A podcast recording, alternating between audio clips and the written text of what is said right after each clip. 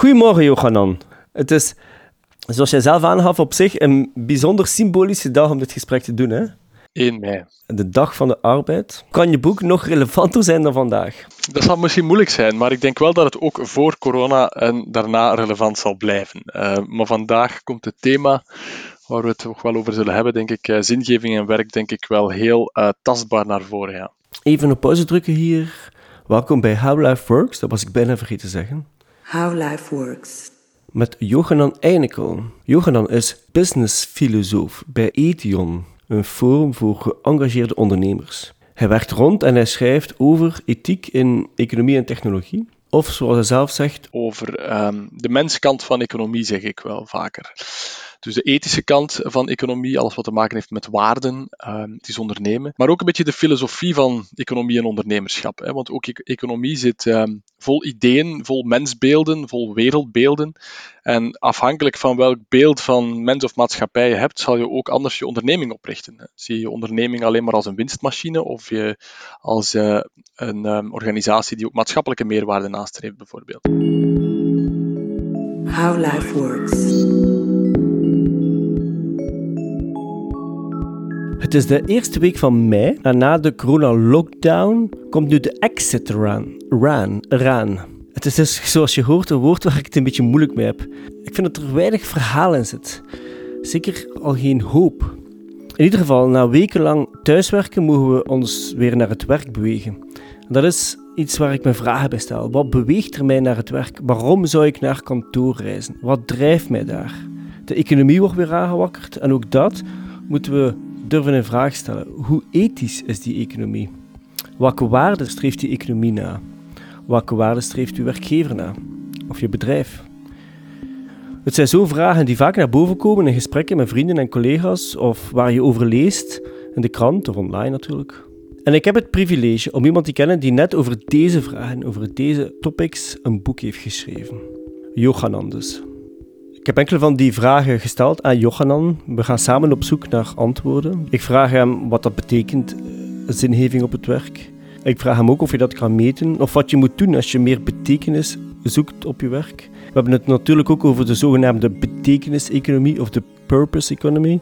En tenslotte hebben we het zelfs over filosofie, Socrates en Aristoteles. Heerlijk vind ik dat trouwens. Maar de eerste vraag die ik aan Johanan heb gesteld is: hoe kennen we elkaar eigenlijk? Hoe hebben wij elkaar ontmoet? Ik heb als filosoof een boek geschreven over technologie en vooral in de context van robotisering, artificiële intelligentie, wat ja, technologie met de mens doet. En toen dat boek eenmaal verschenen was, Robot aan het stuur, kreeg ik vragen van groepen die zeiden van ja, zou je geen lezing over je boek willen geven? Want wij gaan naar de, we hebben tickets gekocht voor een tentoonstelling die nog moet starten, Hello Robot, en we willen daar eerst wat meer over weten. En zo kreeg ik een paar vragen en ik kende die tentoonstelling nog niet. Dan heb ik gedacht, dan moet ik toch eens uh, contact opnemen met uh, de persoon die dat daar allemaal organiseert, jij dus. En zo hebben we elkaar ontmoet in Bar Wilson. Want dat is natuurlijk ook interessant aan onze allereerste ontmoeting uh, als de technologie artificiële intelligentie snel ontwikkelt, zullen er veel jobs veranderen. En zullen we dus die vraag moeten stellen: wat wil ik behouden in mijn job en wat, wat kunnen we automatiseren? Ja, en ik denk dat technologie daar um, een dubbele rol in kan spelen. Die, die kan er net voor zorgen dat we, dat we een heel uh, stuk van zingeving um, verliezen. Hè, bijvoorbeeld doordat de technologie volledige jobs overneemt. Of net de meest interessante en dat wij een soort van controleur van de machine worden. Dat is één weg uh, of één mogelijkheid. Het andere is dat technologie ons net helpt om jobs zinvoller te maken door het intonige, routineuze, saaie, vuile, gevaarlijke werk um, op zich te nemen en het interessante, het creatieve en dergelijke meer, um, meer aan de mens te laten. Um, dus uh, ik denk dat, daar, um, dat dat zeker niet een zwart-wit verhaal is van dat technologie daar per se een negatieve invloed op moet hebben. Dus als filosoof probeer ik mij eigenlijk uh, op die meer fundamentele vragen en ideeën van uh, economie en ondernemerschap te richten. En af en toe schrijf ik daar dan ook artikels over of een boek, en nu een tweede boek. Check-in heet het tweede boek. Precies, precies. Daarover wil ik het hebben. De subtitel is Op zoek naar zin en betekenis in bedrijven. Ja, het begint al. Wat is nu? Naar zin of betekenis in bedrijven? dat is een terechte en dat is ook de meest moeilijke vraag. Um, ik heb ze er toch alle twee op gezet, omdat er een beetje nuanceverschil is. Um, Maar dat hangt heel hard ook af van de taal. Bijvoorbeeld in het Engels is dat eigenlijk hetzelfde. In het Engels spreekt men over meaning, of meaningful, en dat kan je eigenlijk zowel naar betekenis als naar zinvol vertalen. In Nederland is dat natuurlijk dubbel. Een, ehm, een woord heeft een betekenis, een uh, verkeersbord heeft een betekenis, maar daarom is dat nog niet een, uh, um, een bron van zingeving, zou ik maar zeggen. Zin, dat is ja, zowel betekenis in de. Uh, iets heeft zin in de zin van het werk, het is, het is logisch, het is geen onzin, maar heeft ook, raakt ook aan ja, wat vinden we. Veel betekenend in het leven. Hè? Wat vinden we uh, op een ja, existentieel niveau belangrijk? En ik speel een beetje met beide woorden. Um, het is een ik heb ze allebei genoemd omdat we ze beide gebruiken in het meer, ja, wat meer fundamenteel is in het leven. Um, ook in economische context. Wat betekent mijn bedrijf voor haar stakeholders of voor, voor de maatschappij? Um, wat is de zin van een onderneming? Dus ze liggen zeer dicht bij elkaar. Ik dacht van, kijk, ik ga ze allebei gebruiken. Ik herinner mij een moment dat ik je een berichtje stuurde via WhatsApp. Ik denk dat het november was. En vroeg, hey, hoe is het? En je zei, ja, ik ben aan het vroeten. Het is vroeten. Herinner je dat nog? Ik herinner mij zeker dat we nog contact hadden. Ja. Ik weet niet meer dat ik zei dat ik aan het vroeten was, maar dat klopt zeker. Waarom was het zo vroeten om, om, om dit boek te schrijven? Zoals ik in mijn boek ook beschrijf, gaat zingeving heel sterk over een ervaring. Vanaf je probeert zingeving in soort van modellen te gieten of in taal te vatten, ja, dan, dan, dan, dan lijkt het iets te missen ik, ik, beschrijf iets dat zich vooral in de ervaring laat voelen. Dat is bijna contradictorisch. Hè. Omdat een boek natuurlijk dan weer niet onmiddellijk de, eh, die ervaring is. Hè. Het is meer lezen over of schrijven over een onderwerp. Maar zingeving zit in de eerste plaats in ervaring. Dus dat was eigenlijk een beetje de worsteling. Um, waarvan ik nu toch, als ik de feedback van, van de eerste lezers hoor, uh, toch in geslaagd ben om die ervaring ook hier en daar in de verhalen op te roepen. Mij lijkt het dat het vroeten was, omdat het ook een bijzonder grote vraag is. Zingeving begot. Dat is een soort levenswerk. Uh, dat is zeker. Maar ik heb natuurlijk nu wel toegespitst op hoe kan um, de werkcontext of organisatiecontext um, een bron zijn van zingeving. Ik, heb bijvoorbeeld, ik, heb ik geef geen antwoord op wat is de zin van het leven, maar wel um, wat maakt dat wij ervaringen hebben van zingeving. En, en, specifiek dan in, uh, in, in werk. En uh, dat maakt het toch al iets meer toegespitst. Is het deze van je boek ook? Als je gelukkige werknemers hebt, werken die beter en, en presteert je bedrijf ook beter? Dat is niet mijn these. Uh, het blijkt wel zo te zijn. Dus ik, als ik zeg van is niet mijn these, in de zin van ik, ik, heb dit boek niet geschreven om um, aan bedrijfsleiders te laten zien, kijk eens, je kan je mensen uh, nog meer uh, laten presteren of, of, uitpersen als je ze gelukkig maakt. Het is wel zo, ik heb het ergens, ik heb ergens gezegd, van ja, kijk, als, als je vragen naar hoe, wat zingeving opbrengt, dat is een beetje contradictorisch. Het is een beetje zoals vragen naar, ja, zeg vriendschap, wat brengt u dat eigenlijk op? Ja, dat is natuurlijk niet waar vriendschap over gaat. Hè. Stel dat je vrienden, dat je moet betalen om vrienden te hebben, dan laat dat eigenlijk zien, zeker zien, dat je geen vrienden hebt, want je moet ervoor betalen. Hè. Dus, maar het blijkt wel zo dat mensen die zich goed voelen in hun job en waar dat er eigenlijk, en dat is eigenlijk hoe dat ik een zinvolle job ook vertaal, waar dat er weinig afstand is tussen wie iemand is en wat hij doet, dat mensen dan ook wel ja, meer in flow geraken, een, een, ja, meer inspanningen doen, alleen meer inspanningen, ook liever hun inspanningen doen en in die zin ook beter produceren. Wat eigenlijk ook niet zo onlogisch is. Als je helemaal tegen je goesting je werk zit te doen, dan, uh, dan zal uh, de inzet ook veel lager zijn. Maar dus dat is niet met de motivatie. Ik, ik, schrijf het in de eerste plaats als filosoof-ethicus van kijk, zo kan je bijdragen aan, aan een zinvol leven van uw werknemers, maar ook van uzelf, want ook bij werkgevers trouwens um, is die behoefte zeer groot. En kijk eens aan, het brengt ook nog op, als een neveneffect. En, en, we zien dat ook in de, de, doelstellingen die bedrijven vandaag naar, naar voren schuiven. Eh, uit ons eigen onderzoek van Ethion. Uh, helemaal bovenaan van de doelstellingen staat klantentevredenheid en medewerkerstevredenheid. Ver boven winstdoelstelling. Maar het feit dat die twee zo dicht bij elkaar staan, is omdat ze niet zonder elkaar kunnen. Ik zeg eens iets uh, over het onderzoek dat is samen met Acerta verlopen, ja. zeker? Wel, er was een onderzoek waarin dat we um, gevraagd hebben van oké, um, we hebben hier een lijstje van doelstellingen, klantentevredenheid, winst, omzet, ze konden er nog wat aanvullen. Geef die eens een score van 0 tot 5. 0 is dat is geen doelstelling in ons bedrijf, 5 dat is topprioriteit. Wel, als je dan kijkt naar welk percentage van die doelstellingen top scoort, dan zie je dat 92% van de bedrijven in Vlaanderen en Brussel, waar wij ons op richten, uh, klantentevredenheid nastreven. Dus ze geven daar minstens een score van 4 op 5 als zijnde zeer belangrijk. Dan medewerkerstevredenheid en dan duurzaam ondernemen. en dan pas winst. Dat is toch straf. Hè? Uh, is een anonieme enquête. Ze, ze, moeten scores geven op doelstellingen. Dus het gaat niet over een soort van wenselijkheid van ja, wat is nu het belangrijkste, winst of waarde. Nee, ze mogen op alles een score geven. Dan zie je dat duurzaamheid net iets hoger nog scoort dan, dan winst. En omzet zelfs helemaal onderaan. Oké, winst is nog iets anders dan omzet. Dus er verschuift toch echt wel wat. En in percentages die niet meer wijzen op um, ja, het kleine percentage van bedrijven, dat, uh, dat van, ik zeg maar een beetje de, de, wereldwinkelbedrijven, die, die een klein percentage van de bevolking aanspreekt. Dus ik wil daar vooral zeggen, er is daar toch hoop. Hè. Er is daar toch uh, een, een beweging, denk ik, in de goede richting. Um, die hopelijk nu door corona niet wordt doorbroken, maar ik denk dat we op lange termijn daar ook wel uit geraken. Ik speel een beetje een advocaat van de duivel natuurlijk. Hè. Mm -hmm. uh, want de vraag of zingeving meetbaar is, is natuurlijk een verkeerde vraag. Zoals je zelf zegt, vriendschap en zo, eigenlijk de meest kostbare zaken in het leven, die, die zijn niet meetbaar. Maar niet, niettemin hebben we wel, um, als we daarvoor kiezen voor zingeving of voor betekenisgeving, hebben we wel een duidelijke taal nodig en een soort strategie of een systematiek. Dus laten we toch even kijken van, wat zijn dan de bouwstenen van zinvol werk? Hoe werkt dat eigenlijk? zinvol werk, hoe werkt dat? Ja. En hoe gaan we het noemen ook? Want je, er zijn een aantal interessante um, benaderingen op het gebied van de woordkeuze in je boek. Zingeving is in de eerste plaats een ervaring. Hè.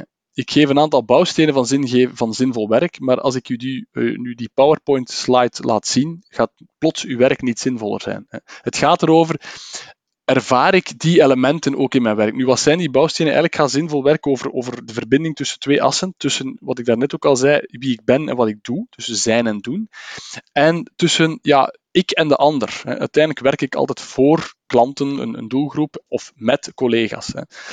Binnen die twee assen heb je eigenlijk vier, vier, vier um, kwadranten. Dus wie ik ben, wat ik doe, wat wij doen als organisatie, de doelstellingen die wij nastreven, en wie wij zijn, onze de bedrijfscultuur, de identiteit van de organisatie. Wel, als er tussen die vier uh, verbinding is, dat ik zie dat ik een job of ervaar dat ik een job uitvoer die dicht ligt bij wat ik ook persoonlijk belangrijk vind. Dat ik zie dat ik een bijdrage lever aan die ruimere doelstelling van de organisatie en dat ik een verschil maak eh, binnen mijn team. Als ik um, sociale verbondenheid voel met de mensen met wie ik werk of waarvoor ik werk. En tenslotte ook als onze organisatie doet wat ze zegt, hè, dat de verbinding is tussen het zijn en doen de organisatie, dan zie je dat mensen hun werk als zinvol ervaren. Nu, de literatuur rond zinvol werk gaat veel breder. Um, uh, er zijn ook nog heel andere facetten, maar in essentie komt het wel hierop aan. En uh, waar het organisaties nu om te doen is, is niet om die, uh, die bouwstenen even te gaan projecteren in een PowerPoint, maar wel eigenlijk te gaan zoeken hoe kunnen we die verbinding, ervaren de mensen in de organisatie die verbinding tussen die vier elementen. En als dat niet zo is, wat staat dat in de weg? En dan denk ik dat het erom gaat om eigenlijk heel openlijk um, ja, um, daarover in gesprek te kunnen gaan. Uh, met je leidinggevende, in teams.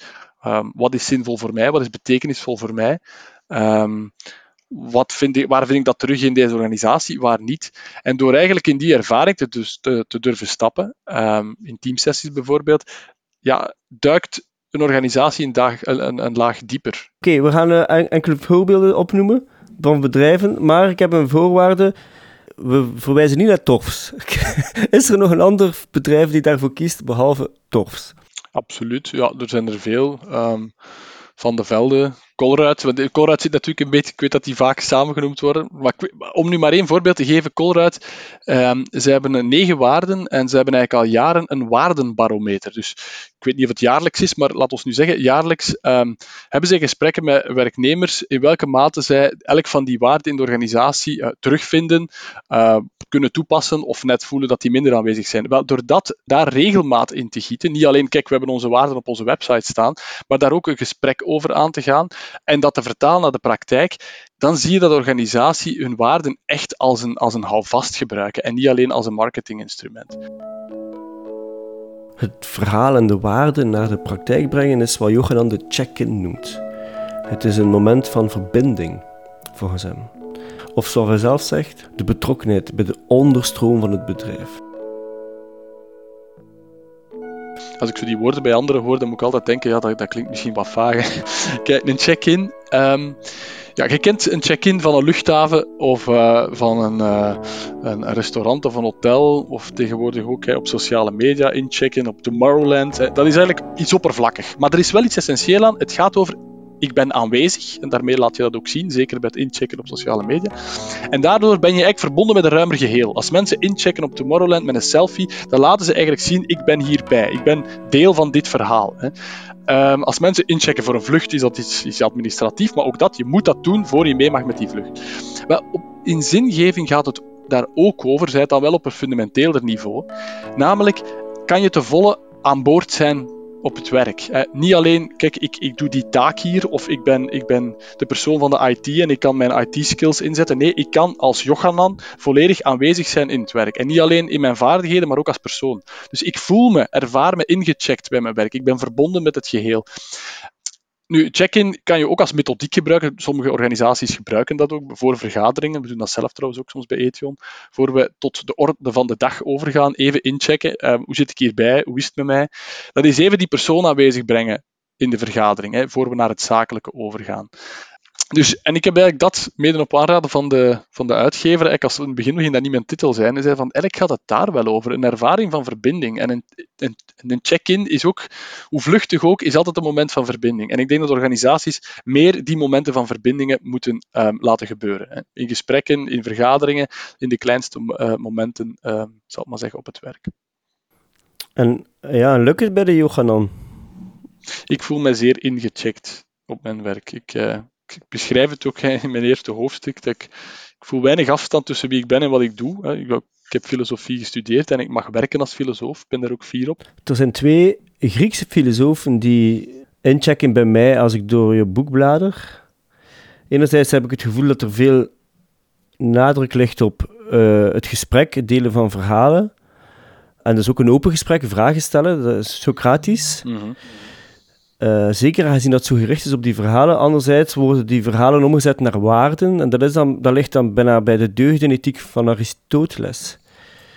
Nu, ik ben zelf geen gediplomeerd filosoof, wat me niet weerhoudt om te filosoferen.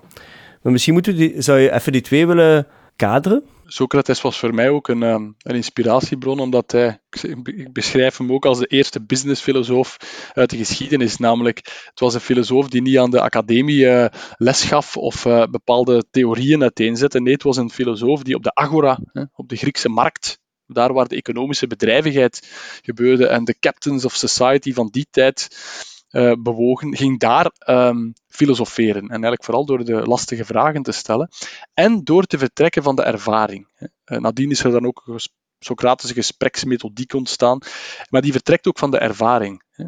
Socrates um, had duidelijk ook wel ideeën over hoe een staat er moest uitzien, of, of tenminste, of Plato heeft dat dan neergeschreven.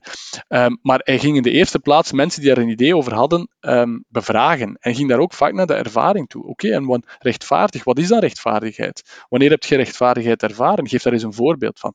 Dus dat is eigenlijk het Socratische, om eigenlijk het abstracte heel concreet te maken. En de Socratische gespreksmethodiek vertrek je ook daarvan, van de ervaring. Dat is dan ook wat ik in, waar ik in zingeving uh, de link zie. Um, Aristoteles, um, dus ja, Plato was een leerling van, um, van uh, Socrates, heeft veel van, uh, heeft eigenlijk alles neergeschreven wat, of het meeste neergeschreven wat we van Socrates kennen. en heeft daar natuurlijk ook zijn eigen ideeën in verwerkt aan uiteindelijk Plato. Nu, Aristoteles, leerling van Plato, inderdaad met de deugdenethiek, eigenlijk zou je kunnen zeggen, ik probeer het niet te ingewikkeld te maken, hè, maar Plato heeft alles veel abstracter gemaakt. Hij is eigenlijk een beetje vertrokken van de verhalen van Socrates, maar heeft uiteindelijk dan een ideeënleer, hè, letterlijk, uh, neergeschreven die, die zeer theoretisch is. Hè. Van hem komt ook van de filosoof, eigenlijk als leider van de maatschappij, die met zijn verstand en zijn wijsheid uh, de, de, de, de polis moet regeren. Uh, ik vind Aristoteles een beetje terug heeft gebracht naar, het, uh, naar de ervaring, of tenminste toch naar het, naar het leven zelf. Hè. De deugdenethiek, het goede leven, zit eigenlijk in het goede midden houden tussen wat waardevol is in, is in het leven. Hè. Um, ja, moed is een belangrijke waarde bijvoorbeeld, maar um, dat kan zich bewegen tussen lafheid en tussen roekeloosheid. En moed is daar het juiste midden in bewegen. En dat moet je aanvoelen in, in situaties zelf, in het leven zelf. Soms zal je meer moedig moeten zijn, soms zal je misschien niet te moedig moeten zijn, en eerder terughoudend moeten zijn. Dus daar zie ik wel wat raakvlakken ook met um, zingeving, maar ook bijvoorbeeld ethiek uh, en bedrijfsethiek. Ehm, ik huiver ook voor een soort van ehm, set van ethische regels in bedrijven die in alle situaties gelden. Dat leidt naar een soort van ethisch totalitarisme waar het verkeerd gaat. Ethiek gaat eigenlijk over, gaat eigenlijk niet over zwart en wit, maar gaat over hoe bewegen we ons in het grijze. Hè? Um, en gaat over afwegen van waarden. En ik denk wel dat bedrijven, en dat is ook goed dat ze dat doen, een aantal waarden naar voren mogen schuiven als dit is voor ons wel waar het echt om draait of waarbinnen we afwegingen maken. Uh, het is niet zomaar vrijheid blijvend, we zullen wel zien wat we doen. Maar ethiek zal altijd afweging vragen. Hè.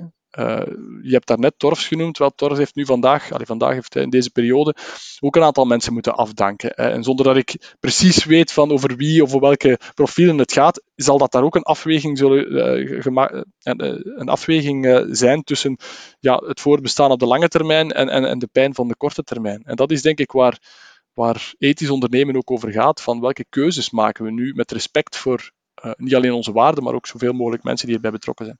Ja, dus we mogen of we moeten stilstaan bij de grotere vragen. Ik heb het gevoel dat dat urgent is, zeker door corona, uh, wat een soort wake-up call is om het systeem te evalueren.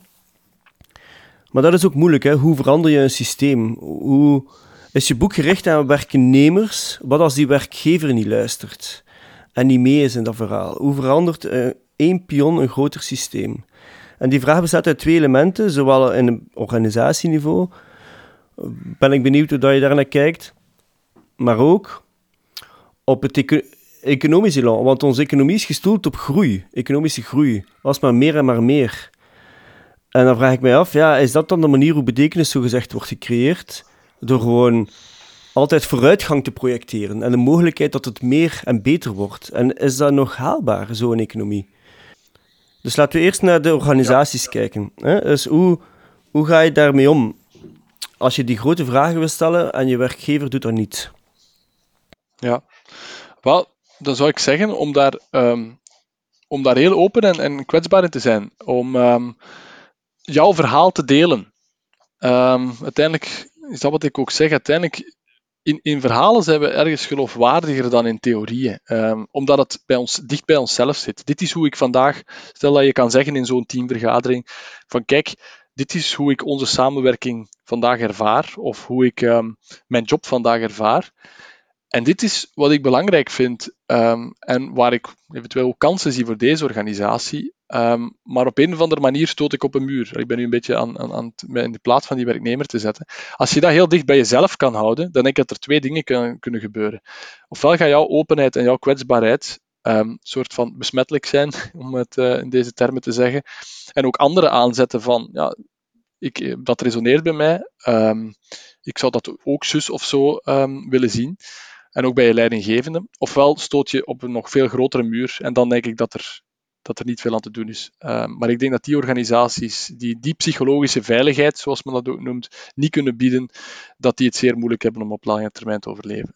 de veiligheid om mensen zichzelf te laten zijn. Mm. Want het, dat, ja, het is wel echt een risico om je zo kwetsbaar op te stellen en dan daarin gekwetst te worden, teleurgesteld, afgewezen eigenlijk. Mhm. Ja, en toch, omdat je daarnet in je vraag zei van kijk, wat kan één individu doen? Veel grote veranderingen zijn toch wel begonnen met mensen die, ja, die moedig waren, door, niet door, door de, de luid als luidste te roepen, maar door kwetsbaar te durven zijn. Door niet op te staan. Rosa Parks uh, in de bus, um, waar zwarten niet mochten zitten. En toch blijven zitten en daar een groot risico mee nam. Hè. Misschien om zelfs opgepakt te worden. Maar ze deed het toch en uiteindelijk heeft ze zo ook de loop van de geschiedenis een beetje veranderd. Dus allee, dat zijn nu grote voorbeelden. Hè. En, en het hoeft niet allemaal zo dramatisch. Maar ik denk dat je in een organisatie, als je je stem durft te laten luiden, en dat hoeft daarom niet heel luid, maar wel hoorbaar maakt, dat je wel wat dingen kan veranderen. Uh, ik heb het zelf ook al meegemaakt in een organisatie waar... Uh, waar weinig psychologische veiligheid was. En op een bepaald moment die spanning zo hoog was dat iemand echt van de basis, hè, als we dan toch even hiërarchisch denken, in de basis in de organisatie opstond en tegen die CEO zei: Besef je wel wat je daarmee aanricht? En het werd muisstil. En die persoon is zeker niet ontslagen. Um, ik zeg ook niet dat alles direct veranderd is, maar er zijn wel nog mensen opgestaan. In a manner of speaking, I just want to say that I could never forget the way you told me everything I say nothing. Maar het kan ook anders. Saskia Schaaltjens, die vijf jaar terug al eens te gast was in How Life Works, vertelde me deze week dat ze een gesprek had opgestart hierover. Saskia, nota bene, werkt in Nederland in het Rijksmuseum, waar ze hoofd is van de research afdeling. In dit geval is het dus een leidinggevende die zelf de incentive geeft voor de check-in. We hebben om de twee weken zo'n moment om eh, bij elkaar te komen. En deze keer heb ik eens gev- gevraagd om na te denken of mij eh, iets door te sturen over wat mensen willen behouden uit deze periode en wat mensen willen achterlaten. Ja, dat is toch een gigantische vraag. Allee, wa- waar begin je nu aan? Je moet ergens beginnen. Ik las net, ik heb u net een podcast doorgestuurd, hè? Eh, en die gaat over verandering. En eh, over iemand eh, in een hoogstraat in Schiedam. En er is iemand die aan het vertellen is over hoe dat die hoogstraat verandert. En die vrouw die zegt ongelooflijk simpel, als je wilt dat er iets verandert, dan zal er iemand mee moeten beginnen. En dat is gewoon plain en simpel dat. Er zal iemand voor de eerste keer die vraag toch moeten stellen, hoe ingewikkeld dat het ook is. En ik weet niet of andere rechtstreekse leidinggevenden die diezelfde vraag ook hebben gesteld, maar ik vraag het voor mezelf, mij persoonlijk ook af. Zijn er dingen die we anders kunnen doen in deze periode? Want het lijkt mij gebaseerd op datgene wat jij in je eerste podcast zegt, bedoel, het is het moment om lessen te trekken. En als er uit zo'n grote adempauze iets kan worden gehaald, dan is het misschien een nieuwe adem. Of een diepere adem, of een iets. Dus dan moeten we dat toch proberen, lijkt mij. How Life Works. De vraag is natuurlijk in hoeverre zijn dit alleenstaande gevallen. Zullen er nu meer organisaties op zoek gaan naar betekenis en de check-in doen? Of wordt dat net moeilijk door de coronacrisis? Nu is het wel zo, met de klimaatbeweging in gedachten was er de laatste maanden wel meer aandacht voor een duurzame economie of de purpose economy. Wel, dat is een van de grote trends waarom ik dit ehm, boek ben beginnen schrijven. Ehm, de purpose economy of de betekenis-economie in het Nederlands, hier wordt het dan naar betekenis vertaald. ehm, dat is eigenlijk een term die, die vooral is gelanceerd door Aaron Hurst, een Amerikaans ondernemer. 2014 denk ik dat zijn boek is uitgekomen. En eh, hij beschrijft daar eigenlijk hoe er een economie ontstaat die probeert in te spelen op onze behoefte aan betekenis. Hè. Dus ehm, waar zoeken we betekenis in persoonlijke ontwikkeling, in, in sociale relaties en in het bijdragen aan een hoger doel? Wel, dat hoeft niet per se alleen maar via werk of economie gerealiseerd te worden, maar dat biedt natuurlijk wel veel kansen. Hè. In je werk zet je je vaardigheden in, ehm, werk je samen met anderen meestal, hè. of zelfs als je alleenstaande zelfstandig bent, dan moet je nog met klanten werken of met een gemeenschap van, van, eh, van eh, belanghebbenden waar je je producten ehm, mee maakt. Ehm, en, en vooral via een organisatie kan je ook meer impact hebben. Dus werk, kan eigenlijk in, en, ondernemerschap kan eigenlijk inspelen op onze behoefte aan betekenis. Nu, Aaron Hurst die vertaalt dat, en hij zegt het ook expliciet, nog niet zozeer ehm, naar ethiek. Hè. Dus het gaat nog niet zozeer over eh, bedrijven die alleen maar meewerken aan een betere wereld. Hij zegt wel op een onethische manier wordt het zeer moeilijk om die in die purpose-economie te, te slagen. Maar het gaat in de eerste plaats van, kijk, hoe kan ik als bedrijf zorgen, bijvoorbeeld, dat mijn werknemers zich kunnen ontwikkelen en op die manier ook eh, bij, eh, bij onze organisatie zullen blijven, hun werk liever doen en zelfs misschien productiever zijn. Dus dat is eigenlijk hoe, hoe hij het lanceerde. Maar daarnaast zie je toch ook nog wel een aantal andere trends. Ehm, mensen die ehm, meer betekenis zoeken in werk. Eh, de trend naar wat dat we daarnet over hadden, eh, hoe technologie een, een aantal stukken van ons werk zou kunnen overnemen. En wat daar telkens in centraal komt, is hoe gaat werk nog zinvol zijn, nog aansluiten bij wat dat we existentieel belangrijk vinden. Ehm, en ik denk dat in die zin ehm, bijna de hele economie een purpose-economie zal moeten worden om mensen nog op te overtuigen om, ehm, om te werken. Zover zijn we lang nog niet, maar je ziet toch wel een aantal signalen daarvan. Ik wil daar nog even op doorgaan, want dat is een beetje een trend ook. waarvan dat ik me dan de vraag stel, hoe authentiek is dat? Eh, er zijn daar allerlei rapporten en verklaringen rond eh, verschenen, vrij recent, de voorbije jaren. Eh, onder meer ehm, van de Business Roundtable. Kan je dat even beschrijven? Want dat is toch wel een opvallend gegeven dat er multinationals verklaren dat ze purpose voor profit zetten. Ja, inderdaad. Want die, het, is, het, is, het is niet nieuw dat er, dat er pionierende bedrijven zijn die maatschappelijk verantwoord of ethisch ondernemen. Maar vandaag zie je ook bij de grote corporate bedrijven, bedrijven waar dat we ook vragen bij kunnen stellen, bij hun maatschappelijke impact soms, de taal van zingeving beginnen te gebruiken. Purpose is daar het meest um, zichtbare van. Um, wat ik meestal vertaal naar een betekenisvol hoger doel. Uh, die Business Roundtable, World Economic Forum. Uh, we hebben zelf met Ethion een bevraging gedaan en daaruit blijkt dat 80% van ondernemingen in Vlaanderen een set van waarden heeft. Um, maar het feit dat die taal verandert is al veelzeggend. Dus laat ons nu nog even gemakkelijkheidshalve zeggen dat de helft dat alleen maar doet omwille van marketingredenen. En daar eigenlijk niet veel in de praktijk niet veel uitvoert. Zelfs dan is dat interessant.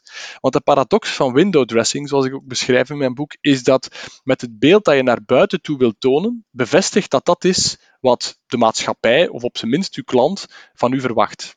Als ik pretendeer betrouwbaar te zijn, dan geef ik aan dat betrouwbaarheid de norm is. Hm. Dus zelfs bedrijven die puur omwille van window dressing uh, met mooie missieverklaringen naar buiten komen, um, die werken mee aan de normalisering van zingeving, duurzaamheid of datgene wat dat ze naar buiten brengen. Nu, daarmee wil ik zeker niet zeggen, het is voldoende dat die bedrijven dat doen. Ik denk ook, hè, dat is dan een beetje een volgende trend die daarop inspeelt, dat vandaag als je je waarde niet waarmaakt of je belofte niet waarmaakt, dat je daar um, veel sneller op kan afgerekend worden. Um, dus aan de ene kant, zelfs bedrijven die aan window dressing doen, die bevestigen eigenlijk ook het beeld van wat de maatschappij van bedrijven verwacht. En als ze het niet doen, dan kan het hun zuur opbrengen. En dat maakt denk ik dat de purpose-economie of de betekenis-economie wel wat kansen heeft om meer een, een, nieuw normaal te worden. Als ik even advocaat van de duivel speel en je komt een ondernemer of een manager, een leidinggevende persoon tegen die uh, niet echt vrij enthousiast is over die betekenis-economie, die een zeker cynisme aan de dag legt, wat is uw go-to antwoord of strategie om dat te pareren? Wat is het gemakkelijkste, de, de gemakkelijkste pitch om iemand te winnen in dat gesprek?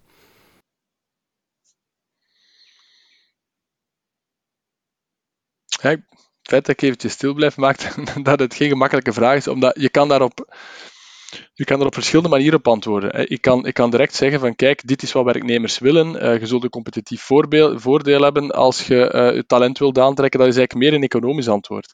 Het andere zou kunnen zijn van um, kunt je ook laten zien dat je bedrijf een bron kan zijn van maatschappelijke meerwaarde, waardoor het niet alleen financieel groeit, maar ook bijdraagt aan maatschappelijke groei. Vind je dat ook zelf belangrijk? En dat is een ander antwoord dan ja, zeg maar het economische. Uh, dus dat is geen pitch wat ik nu geef. Hè.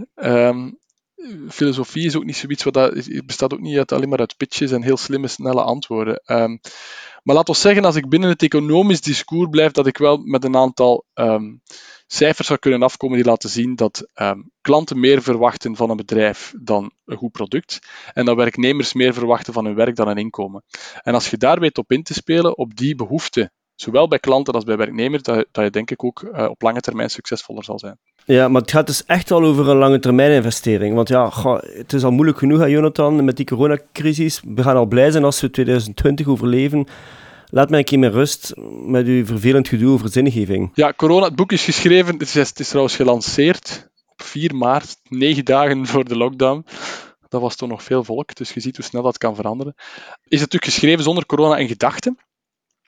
Maar toch denk ik, ik, het is waar, op korte termijn zal voor veel bedrijven, um, ik hoorde gisteren Wouter Torfs nog, die, die zei van kijk, ja, wij zijn, wij zijn een bedrijf in overlevingsmodus. Hè. En tegelijkertijd is, is Torfs net een bedrijf dat altijd uh, um, ja, toch heel sterk heeft ingezet op um, waardegericht werken en, en ondernemen.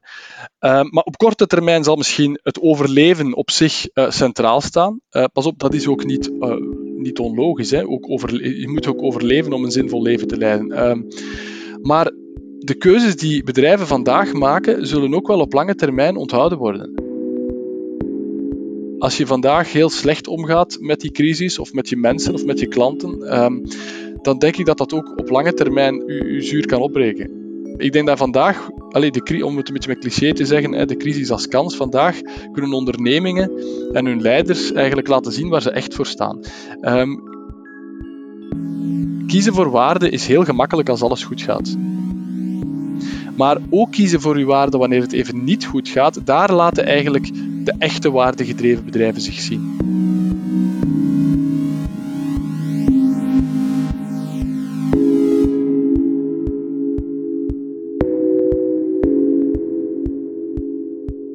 Dit was How Life Works met Johanan Einekel. Bedankt om te luisteren. Bedankt Johanan om even de tijd te nemen. Bedankt Saskia Schaaltjes ook en Lisbeth van Eekhout voor de hulp.